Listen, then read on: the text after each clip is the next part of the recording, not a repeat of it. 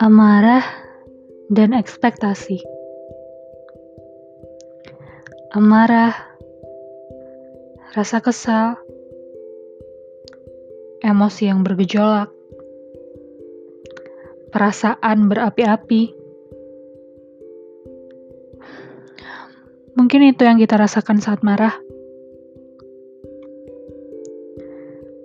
Namun, terkadang amarah timbul bukan karena sebuah kesalahan. Amarah timbul karena sebuah ekspektasi. Hmm. Ya, ekspektasi. Tentang ekspektasi yang tak terwujud, sehingga kita yang kalut.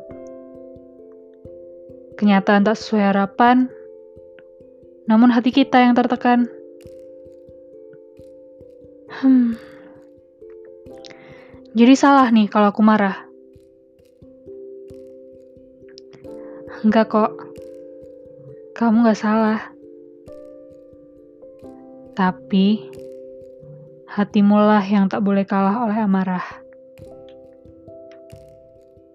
you